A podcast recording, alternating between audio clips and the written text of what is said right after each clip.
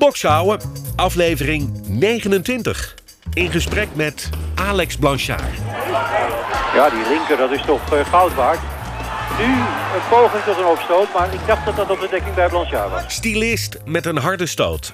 Blanchard blijft Europees kampioen hier in Bern. Zesvoudig Europees kampioen in het half zwaargewicht. Ik heb al genoeg een pit op mijn kop gekregen dat ik niet ging. Ik ben er nooit als amateur in gegaan. En alleen als, uh, als uh, prof één keer in mijn leven. Over boksen als reddingsboei. De soms verlammende angst vlak voor een wedstrijd. En de tol van de roem. Ik heb moeten stelen om mijn kinderen eten te geven. Weet je, terwijl ik daarvoor tonnen per jaar verdiende.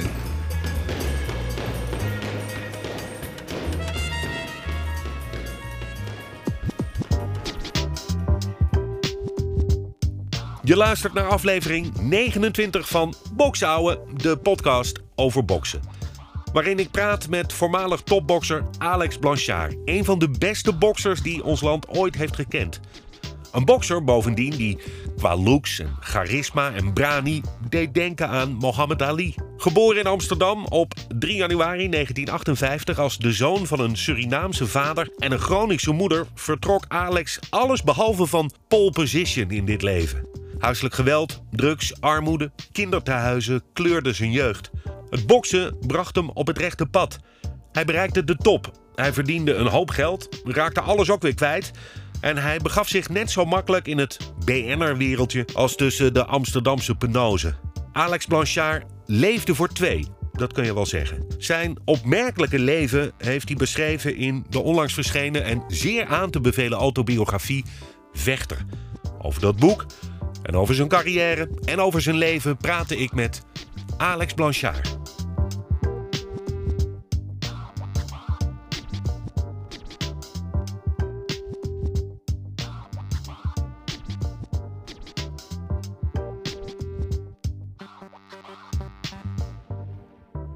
Vader kwam uit, uh, uit uh, zeg maar, uh, uit, hij was beroepsmilitair.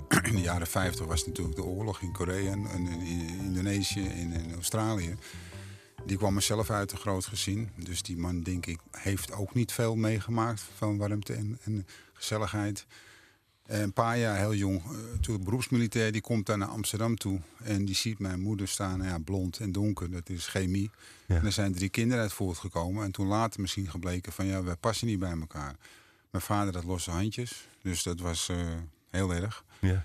Uh, wij zijn in een kinderthuis geplaatst. En ja, maar goed, voordat ik daarin geplaatst werd, heel jong, uh, mijn tweede jaar kan ik me nog herinneren dat, dat uh, mijn vader uh, mijn moeder ook wel sloeg, weet je wel. Mm -hmm. En dat was uh, veel druk in het huis. Dus ja. dat was echt wel...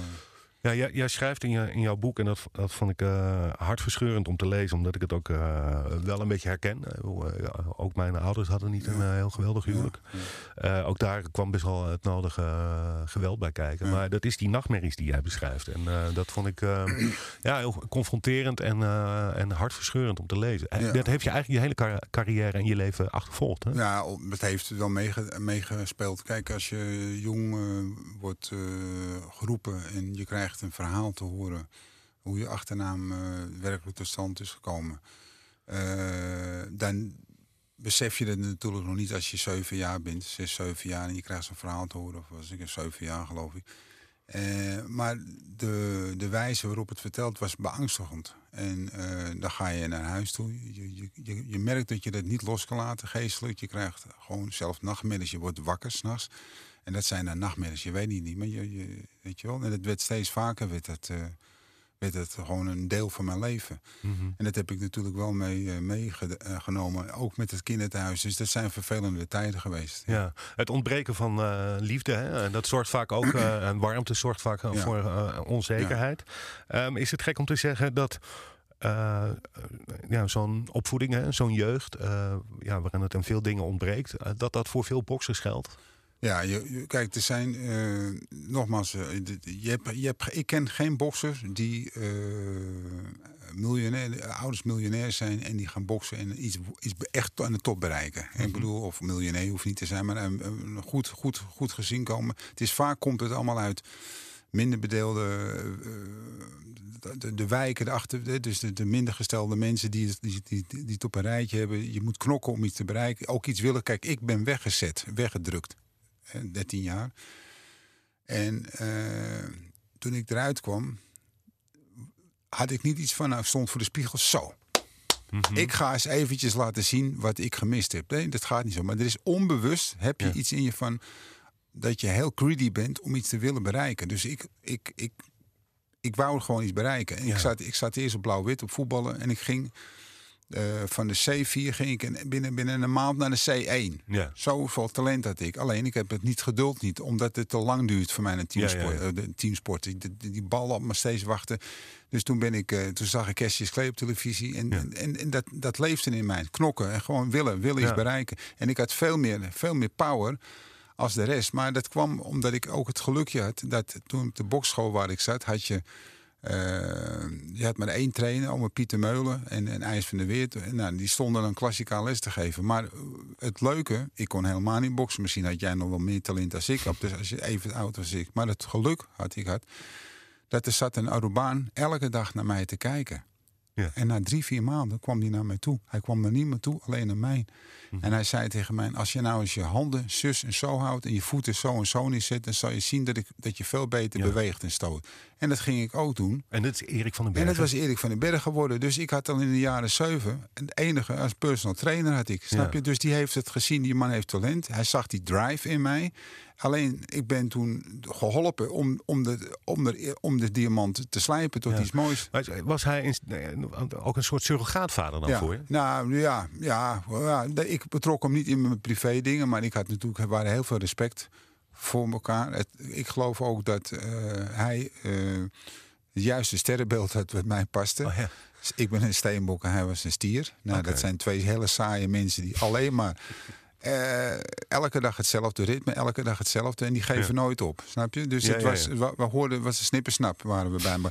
Maar ik heb ook periodes gehad dat ik denk van, ik kan hem niet meer zien. Weet je, het werd me te veel op een gegeven moment. En dan moet je, goed, dat in een gezonde vader-zoon relatie is, is dat, ook. Oh, dan moet ik weer, dan moet je weer, dan moet elke dag weer, weet je. Maar en dat, dat, geldt natuurlijk, eh, die, uh, kijk, Tyson had Castamado, uh, Ali had Angelo Dundee, Luduva had natuurlijk. Dus dat komt natuurlijk best wel vaak voor. De, de trainer-pupil is natuurlijk, eh, omdat je ook zoveel tijd met elkaar doorbrengt. Ja, en elke dag, je weet al wat, het is, het is gewoon het slijpen. Elke dag weer herhalen, van een linkse hoek en een rechtsie direct en een opstoot. Weet je, en dezelfde beweging. Je werd er helemaal gek van. Maar had jouw carrière er anders uitgezien als je Erik van den Berg nooit was tegengekomen? Ja, nou had ik misschien scheepskok geworden. Omdat mijn moeder die ging toen na mijn vader met een, met een kok om. Of met een matroos om, laat ik het zo een matroos om, die gevaar had. En die vertelde allemaal wilde verhalen over de wereld ja, als je jong bent, dat, dat, dat beïnvloedt je. Dus toen dacht ik, en toen heb ik ook gesolliciteerd op een school, de Pollux in Amsterdam, waar je dus scheepskok kon worden. Maar die zaten vol.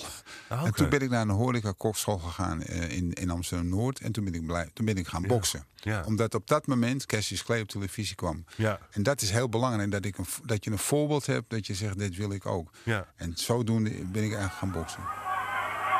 Blijf maar naar je toe trekken, mag niet.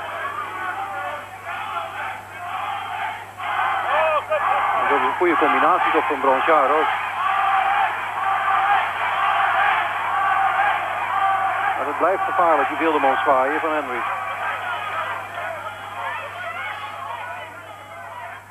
Als we het even over jouw lichaam hebben. Hè? Kijk, uh, jij bent natuurlijk, ik denk ongeveer... 1,90. Ja, 1,90. Iets kleiner dan Ali. Wel wat, wat, wat ja, uh, slanker en tengerder. maar dat een beetje te vergelijken met Thomas Hearns. Hè? Dus ook, maar, maar, eigenlijk vrij atypisch lichaam voor een bokser. Hè? je hebt natuurlijk het voordeel van een enorme reach. Maar was het een voordeel of een nadeel, dat lichaam? Nou, het heeft zijn voor- en nadelen. Kijk, je, moet, je kan klein zijn. Dan heb je heel veel boxers. Joe Frazier, die, die kunnen heel goed daarmee mee wegslippen. En, en, en Roberto Duran, ook heel klein, gigantisch goed. En zoveel. Die, die 1,60 meter, 1,70 zijn en fantastisch boksen. Als je langer bent, op afstand heb je natuurlijk uh, voordeel. Hè, maar de, de, de, de meesten die, die weten als je een bepaald niveau ziet hoe, je, hoe, hoe, je moet inknokken. En als ze inknokken hè, en ze zijn bij mij, dan heb ik het moeilijk. Omdat ik, ik, ik, ik, heb lange armen. Dus dat kost veel meer moeite om hem van me af te houden. Ja. Ja. En kon jij goed incasseren eigenlijk? Ja, dat kon ik wel. Ik heb al genoeg een pit op mijn kop gekregen dat ik niet ging. Ik ben er nooit als amateur niet gegaan. En alleen als, uh, als uh, prof één keer in mijn leven. Tegen een jongen die ik eigenlijk al daarvoor uh, makkelijk had gebokst, Tom Collins. Maar ja, ik leerde een meisje kennen en helemaal verliefd, weet je wel. En, ja. nou, ik moest boksen tegen diezelfde Tom Collins zes maanden later, want ik zou voor de wereldtitel boksen. Ja. En ik ga zo binnen, binnen een ronde op mijn gat. Boep, ja. licht uit, ik sta op. Ik zeg tegen Erik van den Berg, in welke ronde heb ik gewonnen? Weet je, zo, ik was echt helemaal naar nood. Ik ben nog nooit knockdown geweest zelfs. Nee. En toen voor het eerst, één keer in mijn leven. Ja. Maar je kan beter geen klappen nemen, dus dat je bij snel neergaat. Want ja. Ik hoor, er zijn boxers die zijn niet meer te verstaan. Nee, Weet je, dat is verschrikkelijk. Nee, ja, dat, ik wil terugkijken. Jij bent er redelijk ongeschonden uit de strijd gekomen, toch? Ja, dat mag je wel zeggen, ja, gelukkig. Van 79 tot 91 profbokser geweest, 12 jaar lang. Is dat uh, in jouw gewichtsklasse, is dat, is dat eigenlijk lang? Of nou, de, meeste, de meeste zijn wel 10 jaar, 8 tot 10 jaar, sommige 15 jaar. Dat hangt er vanaf, weet je. Ik bedoel, uh, ik, had, ik had eigenlijk had ik nog wel een paar jaar door kunnen gaan qua, ja. qua vitaliteit. Uh, maar de, de, de, de, de drive was weg. Weet je, ik bedoel, mm -hmm. je werd, je, kijk, je boksen voor geld, veel ja. geld. Dan word je ontroond. En dan sta je weer voor een paar duizend euro te boksen. Ja. En één of twee wedstrijden per jaar. Daar kan ik mij niet op motiveren. Nee. Dat, nee. Kijk, met voetballen. Dan, kijk, als je dan verliest, een week later sta je weer. Ja. Snap je? Die jongens gaan door. En dat is met het boksen is dat gewoon niet zo. Nee. Hier komt er nog ongeslagen man uit Amsterdam. En natuurlijk eh, geweldig applaus hier voor Alex Blanchard.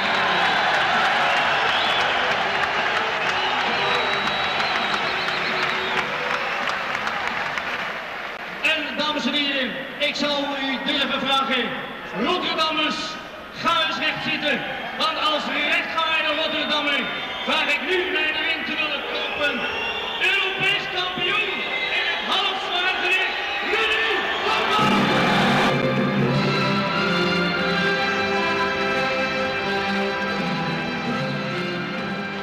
Gevecht waar jij altijd mee geassocieerd wordt, is het gevecht van de eeuw. Hè? Uh, het treffen tussen jou en, en Rudy Koopmans, een titelgevecht in 1982, Ahoy Rotterdam. Dat gevecht dat werd een beetje gehyped als Amsterdam versus Rotterdam. Terwijl Koopmans was natuurlijk helemaal geen Rotterdammer, hij was een Fries. Nee, maar hij, op jonge leeftijd uh, trainde hij al in Rotterdam. En uh, ja, zodoende zagen ze hem als Rotterdammer natuurlijk. Dus dat, ja. dat, oké, okay, dat ging gewoon zo. Ja. Maar uh, kijk, het was, het was niet eens de wedstrijd. Het was gewoon het was met Ajax Feyenoord. Het was niet normaal, die druk. En, en dat gigantisch leefde dat. dat. Door het hele land. Er werd bijna ook gegokt. Er werd ook gegokt.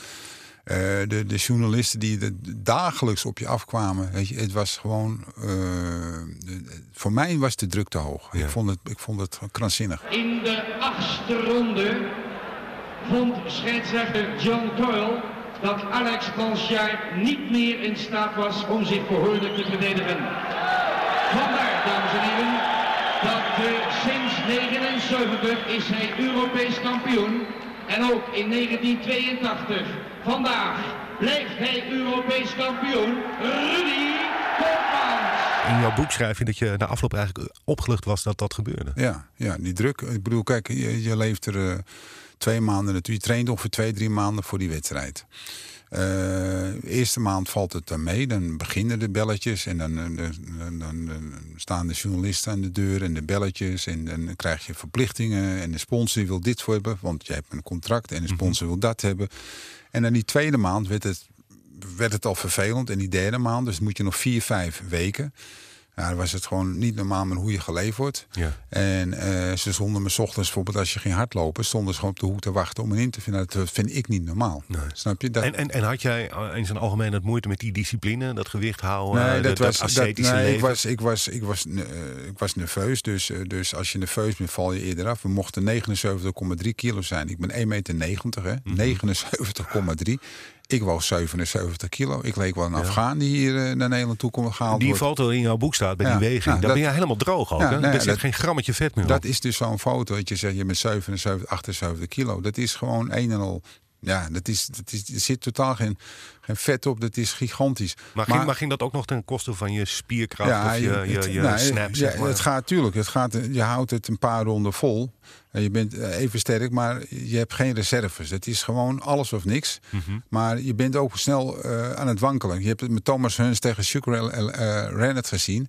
En tegen, tegen, eh, tegen die, die, met Marvin Hekler. Nou, hij was heel sterk. Ja. Maar na, na drie, vier ronden, net als bij leeg, mij, was het leeg. Ja. Dat was de tank leeg. En, met mij en speelt dan die spanning ook nog een rol? Dat, je, dat je gewoon zo, eh, Ja. die opgekropte, Ja. Kijk, die ik- gespannen sfeer als 100%. snaar bent? Zeg maar. Als je, kijk, als ik Rudy bijvoorbeeld met een rechts had kunnen raken, of dat je hem raakt en dan krijg je opeens zo'n zo'n zo'n bloes van zelfvertrouwen. Maar als alles mislukt, wat met Thomas Huns ook gebeurde, dat je alles mist, ja, dan, dan het is op, het pijpje Ja. is leeg. Het Ja, gaat gewoon niet meer. eigenaardige Het pijpje is dat, leeg. Dat, dat Koopmans na, na die wedstrijd slechter eruit ziet dan jij, weet je wel? Want jij bent gewoon nog Ja, redelijk ongeschonden. ja, ja, maar goed, dat, dat is misschien ook gewoon de, de, de, de dikte van de huid. Hè. Kijk, Mhm. eh, blanco's zijn wat, wat, wat, wat dunner van huid en sneller eh, rood en uh, geïrriteerd. En ik, ik kan misschien wat meer eh, hebben, maar het, wil natuurlijk, het gaat om de hersenen.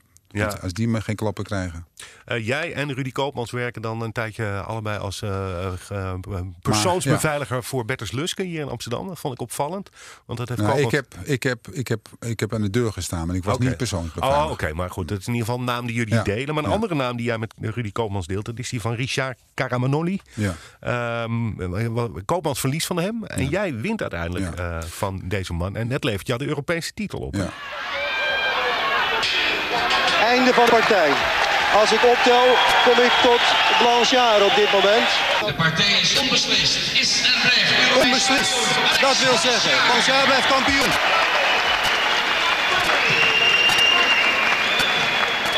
Omdat de druk weg was. Kijk, Ja. bedoel, dat was gewoon weer een ouderwetse wedstrijd voor mij. Gewoon tegen een tegenstander. En je moet, die, je moet gewoon boksen. En eh, dat had dus helemaal niet met die maken van de Ajax eh, Feyenoord. Dat, dat, dat, en dat presteren en, en dat heel Nederlands zat te kijken. Dat was het niet. Kijk, Nee. ik natuurlijk wel van luister. Rudy heeft verloren. Ik krijg nooit meer zo'n kans. Dus ik moet hem nu maken. Ja. Halen. Dus dat, maar, ik heb hetzelfde getraind zeg maar als tegen Koopmans. Even hard, even, even passioneel. Alleen eh, die druk was er niet. Ja. Nou, dat, Dat maakt dus Ja. alle verschil voor jou. Tuurlijk, ja. tuurlijk. Die Europese titel die verdedig jij vijf keer eh, succesvol. Eh, ja, zesvoudig Europees kampioen. Jij, was, een- jij was echt een hele goede bokser in die jaren. hè? Nou ja, dankjewel dat je het zegt. Ik bedoel, ik was, het ging, het ging talentvol allemaal. En ik, het was hard, technisch, het was snel. Dus het was wel vaak sensationeel. En Ja. de mensen kwamen er ook wel, ja, toch wel echt voor, eh, voor een stukje techniek te zien. Alleen, eh, het is zo jammer dat eh, er zo weinig Blanchards en Koopmans zijn... die dus van ons over konden nemen. Je hebt Tuur nog een beetje gehad. Je hebt Van der Leijden als amateur nog een paar wedstrijden gehad. Of een paar jaar. En dan is het over. Nou ja, Dus- je hebt nog Daily Balls in Joval. ja, maar toch, toch de, op laag niveau. Ja. Weet je, je moet, Ja. het moet, dus dat je zegt internationaal, hè, nationaal, internationaal, dat het op tv moet komen. Dat moet een beetje ge, Ja. ge- geshowd worden. Jij, eh, ja, je- de- dat boksen, dat was voor jou echt de, de sport. Hè? Je zei, ik had een beetje gevoetbald. Je geloof ik een beetje judo. Maar dan was je eigenlijk ook een beetje ja was, voor. ik was veel te met Ja. lange dunne benen slepen, Ja. gooiden ze me alle kanten op. Maar eh, eh, eh, Mohammed Ali speelt een belangrijke rol in het, eh, in het ja, begin van je carrière. Want dat is jouw, ja, jouw talisman, ja, hè, jouw idool. absoluut. Eh, jij gaat ook, eh, zodra je de kans toe hebt, naar Amerika toe. Daar sloeg ik enorm op, op aan. eh, die hoofdstukken in jouw boek. Dat je, eh, want je bent ook in Fifth Street Gym in eh, Ja. Miami geweest. Ja, hè? En, ja. en later ook nog in Philadelphia. Ik ben in Philadelphia geweest, New York geweest, ik ben in, in Miami geweest, ik ben in Los Angeles heb ik getraind, weet je. Dus ik ken al die, die, die, die, die, die gyms allemaal wel. En in die tachtige jaren had je grote jongens. Ik spaarde ook gewoon met, met van, van- die zat in Miami met de zwaargewicht, hoe heet die? Eh, nou, eh, ex-wereldkampioen. Maar dat is daar allemaal normaal, weet je. Die Ja. jongens sparen met- elkaar. Maar eh, kijk, daar lopen wel wat Koopmans hoor. En daar lopen ook wel wat Blanchards. Snap je? Ja. Als je daar wil. De box in de jaren 80 in Amerika was super hoog. Super hoog. Want, en over 15 ronden, hè? Ja, en was het nou zo dat je wat je hier in Nederland leerde hè, eh, van die Erik van den Berg of gewoon ja, tijdens het trainen, eh, dat je daar in Amerika dat, dat je daar meteen te horen kreeg van gewoon vergeet alles wat je daar geleerd hebt. Is die, die de manier van boksen, de manier Nou, van trainen in Amerika wat- heel anders? Ja, ja, dat is zeker heel anders. Kijk, weet je wat mij opviel? Dat, eh, kijk, en dat zit natuurlijk in je botten. Ze trainen daar ook met 40 graden, Mhm. met 35 graden. Kijk, wij zetten de airco aan. Maar Ja. dat is die trainer. En de ene ronde nog harder dan de andere. Maar dan word je als kind. Kijk, als jij wordt geboren met 30 of 40 graden eh, buiten. Dan kan jouw lichaam het hebben. Wij Ja. kunnen dat niet hebben, want we staan meteen te puffen. Snap je? Nederland Ja. is een koud landje in principe. Maar waar het om gaat. Dus ik was al gesloopt als ik daar moest gaan sparren. Weet je, dat was dan Ja. altijd zomers. In je, in je vakantie natuurlijk. Want je kan natuurlijk. Hè, heb ik het nog in mijn amateurtijd. En dan was je, was je al, was je al eh, drie, drie, eh, drie rondes lag je al achter om alleen door de warmte. De- de- Het, was, het was echt heel heet altijd. En toen ik prof werd, eh, dan krijg je wat, wat andere jongens die dus niet als amateurs zo snel gaan, maar die, die zijn professionele. En wat ik vind van- met, met Amerika, kijk, zij brengen hun combinatiestoten. Dat kunnen ze gewoon drie, vier, vijf, zes combinaties achter elkaar geven. Hier Ja. in Nederland, Europa, zie je vaak links-rechts. Links-rechts hoek, dat is het. Links-rechts, links of een hoek, dat is het. Meer zit er niet in. En met die Amerikanen die blijven gewoon 4, 5. Kijk naar Sugar Leonard. Kijk naar Marvin Hagler. Kijk naar Ali. Kijk naar George Foreman. Die blijven, weet je, het, het, het lijkt wel of ze dubbele long hebben. Ja, ja, ja. En die Ali is natuurlijk, eh, die speelt een belangrijke rol in je leven. Ja, ontmoet hem op zeker moment ook. Hè? En, eh, maar, maar als je eh, kijkt naar eh, de stijl van Ali, hè, v- veel achteruit eh, Ja. lopend, boksen. Eh, kopieerde je dingen van hem? Want je Nou. hoort ook wel eens van boxers van je, wat je vooral niet moet doen als bokser is kijken of je eh, proberen Ali te imiteren. Nee, want die was zo in een league of Nee, zo. maar die kon, kijk, Ali kon eigenlijk niet technisch boksen in zoverre. Hij flapte met zijn handen. Dus dat is al niet goed, dat leer je Mhm. niet. Wij, wij knijpen. Maar hij flapte met zijn handen, weet je wel. En, en, en het was allemaal flabber, flabber, flabber. Maar hij was zo snel op zijn benen. En hij had een gigantische motoriek en een, een, een flexibiliteit... dat hij ermee weg kon komen en dat hij heel veel stoten. Ja. En hè, voor een zwaar gewicht. Maar als je... eh, dus dat, maar ik, wat, ik wel, wat ik wel fantastisch vond, zijn voetenwerk. Weet je, de dansen, en het, die shuffle erin en zo. Dus dat deed ik ook wel eens af en toe. Ja, want het was bij Ali natuurlijk ook zo dat uh, zwaargewichten voor Ali dat eigenlijk nooit deden. Hè? Die stonden Nee. dat beetje, flat-footed, hè, ja, dan- ja. en dan eh, in, Ja. in die uh, telefooncel uh, stoten. Ja. En dat Nou, was maar het je zag eigenlijk, voor met Sonny Listen, zag je met al die jongens. Hij won, hij voorspelde het ook altijd. Kijk, hij danste om hem heen. Hij kon het ook heel goed ontwijken, weet je. En het counteren, dus als- hij afkwam, voep, en hem eroverheen. Hij was, voor zijn tijd was hij, was hij, was hij, hij was zo snel als een middengewicht. Ja. Hij was natuurlijk ook uh, rap van tong. En Ja. dat, dat kopieerde jij wel Ja. een beetje van hem. Jij was natuurlijk ook een beetje toch die Amsterdamse brani. uh, grote bek. En, uh, Well, en, dan- I'm, en, the, well, I'm the man with the plan who, can, who thinks he can everything he can. Ja. Maar dat, kijk, maar als hoe jong- reageerde men hier in Nederland? Nee, dat waren nee. natuurlijk helemaal niet gewend. Hè? nee, dan moet je, weet je, hoe meer, hoe meer show je maakt, hoe meer ze willen dat je op je bek gaat. Dat Ja. is, en dat is ook, ja, kijk, je bent jong, je wil iets in, eh, in kijk, hoeveel voetballers heb je niet, niet gehad die denken, ik wil ook als Johan Cruijff, of ik ga Johan Cruijff, weet je dat, dat, dat, is, dat hoort erbij, Mhm. Ja. snap je? Want dat is het voorbeeld wat je wil, Ja. snap je? En, en als je, maar later, kijk, ik bijvoorbeeld, toen ik eh, amateur eh, was, noemde ik mezelf Ali, toen ik prof werd, ging ik niet mijn naam Ali. Omdat je dan weer wat ouder wordt. En zeg je, ja, nee, je moet jezelf zijn, snap je? Dus Ja, het heeft ja, ja. ook al een leeftijd waar je uit moet groeien. Ja, en bij Ali was het natuurlijk, stond het allemaal in het teken van het promoten van het gevecht. Hè? Ik, ik, ik, meet mezelf dit imago aan. Soms sprak hij dat gewoon ook af hè, met zijn tegenstander. Hè? En dan ben jij de good cop en ik, eh, of ik ja. ben de, hè, de bad cop. Eh, maar hier in Nederland waren we dat natuurlijk helemaal niet gewend, zo'n Nee. uitgesproken bokser. En, Nee, eh, nee maar Amerika, of eh, Nederlanders zijn gewoon heel nuchter. En eh, zodra je er afwijkt, dan, eh, oh, dan, eh, weet je, dan was ze gaan lekker slapen. ja. Weet je wel? Ja, dus ja, dan, ja. eh, dan moeten ze je niet. Dat, Ja. dat, dat is gewoon zo. Ja. Er gebeurde in die jaren dat jij aan de top stond altijd bij- bijzondere dingen. Jij tekende een contract met Rudy Koopmans in, in de talkshow van Mies Bouwman. Dat, gebeurde. Het boksen leefde, was wel echt een grote sport, populaire sport in die Ja, jaren. maar over de hele wereld. Kijk, eh Fabulous Four, die ken je ook natuurlijk. Kijk, Ja. je hebt, het leefde overal. Het leefde ook in, in Duitsland heel goed. Het leefde in Engeland heel goed. In Engeland ook heel veel In, in Nederland ook. En het is zo jammer dat dat... eh, toen kwam in de jaren negentig kwam dat kickboksen op. Door Jan Plas en Ton Heumen. Die brachten dat een beetje de kickboksen. Dat heeft hier ook een heel veel jaren geduurd. Maar de kickboksen ligt nu op zijn kont. Want je hebt nu alleen nog maar... eh, MMA. eh, nee, ja, je, zo heet het kickboksen heb je dus bij de Hardy en, en, En Rico. Rico. Ja. Maar als, die, als dat voorbij is, dan is Glory ook helemaal klaar. Ja. Want er is helemaal niks meer, snap je? Nee. En, eh, maar het is heel eigenaardig. Want het is populairder dan ooit, vechtsport. Ja, ja. Alleen, eh, ja, er, er breken geen nieuwe jongens door. Ook niet in boksen. Nee, maar het komt omdat er geen voorbeelden zijn. zijn. Kijk, als jij een zoon hebt en, en, en, en die zit, eh, die 7, 8, 9 jaar is en die zit een wedstrijd te kijken, dan zeg je, ja, papa, ik wil dat ook. Weet je, je ziet voorbeeld. En dat zie je niet. Ze moeten, het boksen moeten ze weer stimuleren door gewoon door ik heb een plan in mijn hoofd door met, met een paar miljonairs. Aan tafel te zitten die een maatschapje maken en die zeggen: Oké, we gaan elke we gaan, we gaan grote eh, eh, boxes maken door eh, Amerikaanse trainers hier naartoe te halen in steden. We maken, we maken eh, gyms, zetten we neer van, in elke stad waar 100.000 inwoners wonen. Dus zetten we een bokschool neer en we halen een Amerikaanse trainer over. Die moet Amerikaanse stijl inbrengen. En Ja. dus wat, wat verder gaat is links, rechts en de linkse hoek. Dus echt die shoulder roll gaan leren en de bobbing weave, skiveren. Nou, als je dat hebt, dat je zegt bijvoorbeeld, we geven ze 500 euro per wedstrijd. Ze krijgen 10 wedstrijden per jaar, winnen of verliezen. Dus ze boksen zeg maar om de zes weken, 10 wedstrijden per jaar.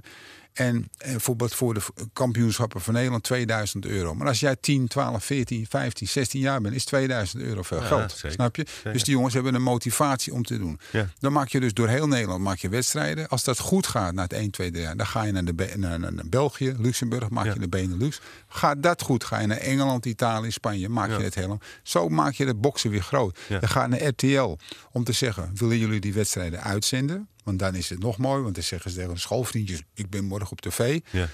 De sponsors die geven het geld weer eh, omdat, aan de, de financiën, omdat ze op televisie sponsoren of reclame mogen maken. Dus het betaalt zichzelf ook weer Ja. terug. Zo kan je de boksen groot krijgen. Zie jij zelf nog een keer eh, je, je, jouw kennis over de boksport en eh, hoe je met je carrière omgaat overdragen aan, aan talenten? Zie je, Nou, ik- je, ik- je, je bent ook personal trainer, toch? Jawel, je, ben- leert ja, mensen toch ook de eh, art? Ja, ik train op de sportschool Splash in Amsterdam. Dat is een, dat is een fitnessschool waar ook boksles geef. En de meeste mensen die, eh, die ik train, die maak ik weerbaar. Dat zijn mensen die eh, zwaarlijvig zijn, mensen die slap zijn, die fitloos zijn. Die maak ik dus gewoon weer helemaal in orde. En ik help ook, dus, eh, hoe heet het, white collar boksen. Dat zijn kantoren die tegen elkaar boksen. Dus, zoals nu Amsterdam de Zuidas, je hebt het in Rotterdam, in Utrecht. Dat zijn bijvoorbeeld een advocaat tegen een notaris, een notaris tegen een accountant. En die boksen, mm -hmm. nooit maar het is zo gigantisch populair aan het worden. Ja. Dus het is bijna dat je zegt, ja, waarom geen, wet, geen officiële wedstrijden Ja, ervan? ja. Ik eh, merk wel eens als ik aan mensen moet uitleggen wat, waarom ik toch zo eh, geobsedeerd en geïnteresseerd ben in die boxsport, dat ik dat moet uitleggen. Weet je wel? Van, wat, wat vind je daar nou mooi aan? Ja. Ehm, ja. heb jij dat ook nog wel eens dat je denkt dat je mensen moet duidelijk maken van hoe, wat, wat, wat de schoonheid van die sport is? Nou ja, ik snap best wel dat mensen het vragen omdat ze geen voorbeelden hebben. Hè? Dus ik bedoel, Mhm. ja, met boksen. Maar kijk, als er eenmaal. Want wat het leuke is, mensen weet wel hoe zwaar het is. Want het leeft op elke, elke sportschool, fitnessschool, hè, waar je dus eh, dikke armen kan krijgen. Ze hebben allemaal kickboksen, boksen. Ze weten hoe zwaar het is, omdat ze het ook herkennen. Een van de anders hebben ze niet op hun programma staan. Maar het is jammer dat ze dus niet de wedstrijden willen doen. En dat is toch een stapje verder van mentaliteit. En dat hoeft waarschijnlijk niet, omdat ze het welvarend goed hebben. Ja, nou, wat ik ook al, ik, ik vertel altijd aan mensen van ja, er is, er is een reden dat het uh, dat MMA uh, mixed martial arts heet. Ja. Uh, boksen wordt de noble art of self-defense genoemd. Uh, Bruce Lee, ook een vechtsporter, wordt een, prachtig, wordt een, wordt een vechtkunstenaar genoemd. Dus, uh, dus uh, je, soms duurt het even voordat je de, de schoonheid van de sport gaat zien. en, en, en dat is vaak, en dat moet ik mensen vaak uitleggen. Van, ja. ja, het is natuurlijk voor het ongetrainde oog zie je twee gasten op elkaar inbeuken. Maar het is meer dan dat Ja, natuurlijk. maar dat, dat, dat zie je alleen maar. Kijk, hoe weet je hoeveel mensen niet sporten in, in, in, in landen? En laten we het gewoon in Nederland houden. dat zijn mensen die dus buiten de lijn de grootste commentaar hebben, maar nog nooit zelf iets gepresteerd hebben. Want als ze zelf al trainen ze allemaal, dan krijgen ze meteen respect voor de sport. Ja. En dat is het. Dus daarom zie je het ook nooit vooruit gaan. Het merendeel sport niet. Nee. Ja, en wat ik ook eh, dan mensen probeer uit te leggen is dat, dat uh, boksen speelt zich op een heel primair niveau af. Hè? Het gaat om angst, het gaat om moed. Ja. Het zijn vaak dingen waar, je, waar mensen uh, die, die, waar we nooit zo heel vaak meer een beroep op hoeven doen. Hè? Nou ja, goed. Ik, ik denk dat. Uh, kijk, ga maar eens in de ring staan. Ik bedoel, het is wel zwaar. Uh, de mensen zijn vaak onzeker. Want als ze zekerheid en zelfvertrouwen hadden, dan hadden ze het wel gedaan. Van, nou, dat kan ik wel, dus dat ga ik doen. Ja. Wie wil niet in sport doen waar ze van tevoren al weten, ik, ik word hier wereldkampioen in. Mhm. Mm -hmm. Maar kijk, het is natuurlijk van. Uh, ze, weten, ze weten allemaal hoe zwaar het is. Ze weten ook wel. Uh, wat ervoor komt kijken, maar ze durven niet de wedstrijden zelf in te gaan. Want dat is prestiges. En dat Ja. is toch iets anders. Prestiges. Ja.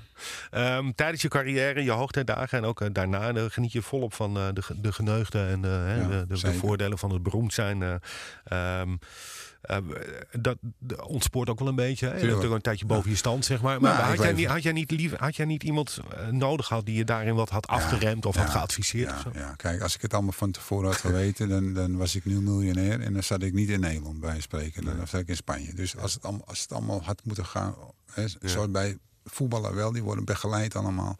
Kijk, het is zoals het is. En het is, ik heb natuurlijk gigantisch veel dingen, leuke dingen meegemaakt.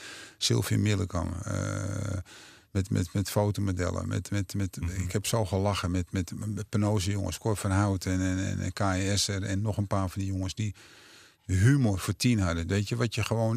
Dat, dat, Ja. dat, dat- ik, voorbeeld, ik geef een voorbeeld. Had je op het Koren, in het Koren Hotel heb je boven Michiel Bleu. Dat is een, een sterrenhotel. En dat ik op een gegeven moment, nou, Cor van Hout, al mijn jongens erbij. En een mannetje of zes of acht. En eh, een keiltje op natuurlijk. Dus ik loop na de twintig minuten loop ik naar het toilet. Nou, helemaal, als je erboven bent, het is pianomuziek en allemaal Ja, ja. klassiek. En vrij duur, allemaal, allemaal een beetje kak. En ik kom zo dit toilet uit met drie meter wc-rol achter me in mijn broek. Weet je wel, maar heel stoïcijns. Zoals ik kijk als een dominee. Zogenaamd niet weten dat het er hangen. Die pianist die, die viel van zijn krukje om van het lachen. Hij zei, dit heb ik nog nooit meegemaakt, meneer Bonsaan. Hij zei, ongelooflijk. Hij zei, hoe komt? Ja, hè? en, maar die kop van die mensen, vooral die vrouwen. Dat ze echt zo zitten te kijken. Oh, moet je kijken. Ja, dat is juist Ja. in zo'n klassiek restaurant, snap je?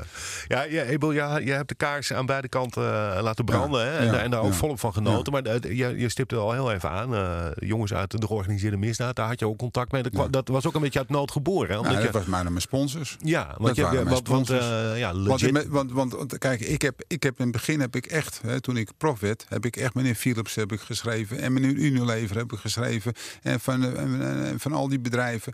En dat is, ging toch, eh, ik heb nooit een briefje terug gehad van ja, kom maar langs, we gaan, we gaan erover praten, weet je wel. Maar als ik dan bij ome Willem en, en ome Cor een café op de hoek zat, die sponsorden wel. En daar zaten dan die Penose jongens.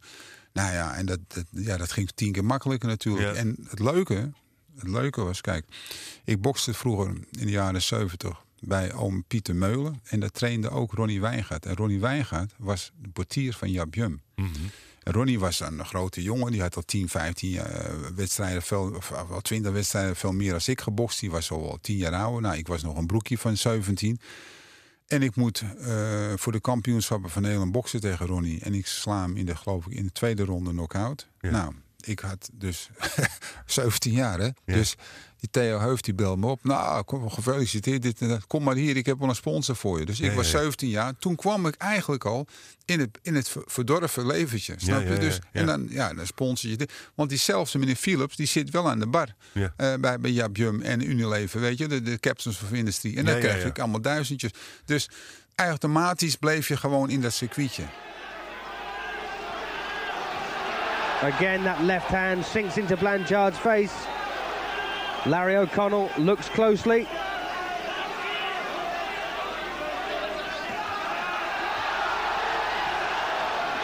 Once again, the volume of punches coming from the defending champion, Rachigiani. Well, it's all over.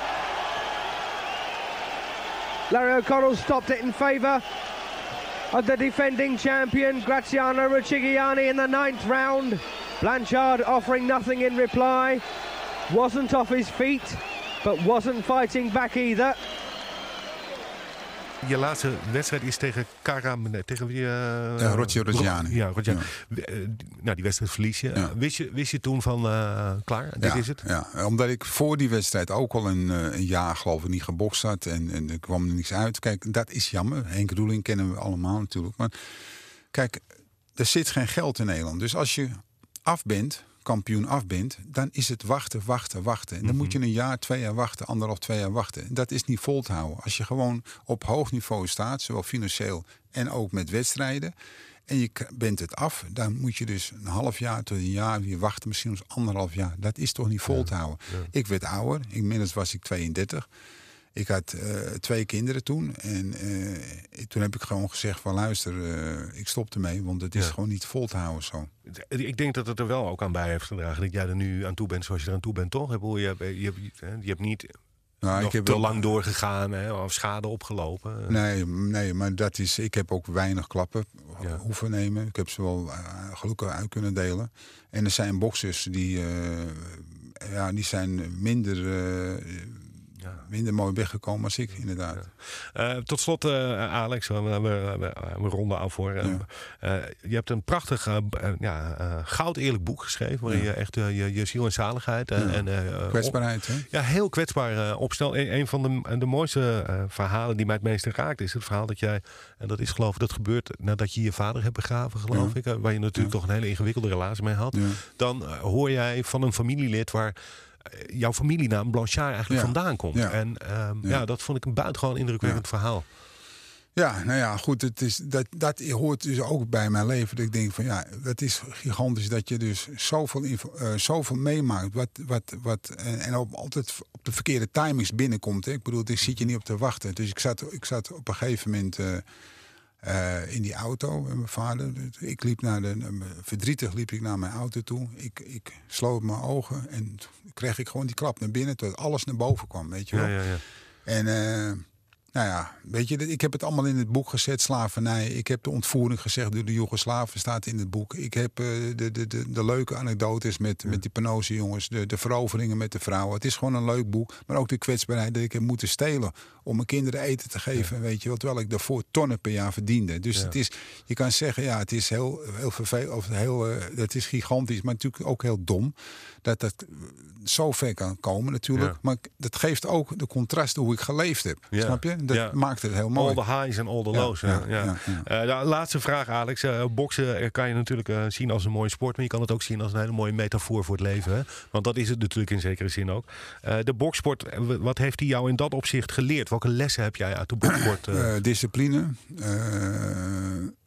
Wat mij geleerd heeft is discipline. Het is eh, een, een, een, een, sporten, überhaupt een boksport. Maar kijk, sporten is. eh, daar moet je heel dankbaar voor zijn. Het is een stuk gezondheid. Het is discipline. Het geeft eh, contacten. En het geeft erkenning in de maatschappij. En vooral als je wat beleeft, dan mag je trots op jezelf zijn. En die trotsheid had ik niet in het begin. En ik heb het zelf helemaal moeten knokken, de vechter, om het wel te krijgen. Om wat te bereiken in de maatschappij. Ja. Van de kinderthuis af. Ja. Eh, dank voor het boek, Alex. En dank voor je tijd. En fijn dat je eh, erover wilde praten. En eh, ik, nou, ik raad iedereen aan het boek te kopen. Dankjewel en graag gedaan. Tot zover aflevering 29 van Boksouwen, de podcast over boksen. Je vindt deze podcast in de podcast-app van je telefoon, op Spotify, op Anchor en op alle andere belangrijke podcastplatforms. Abonneer je op Boksouwen en als je nou genoten hebt van deze aflevering of andere afleveringen van Boksouwen, laat dan een recensie achter. Dat zou ik zeer waarderen. Er is ook een Facebookpagina en een Instagram-pagina van Boksouwen.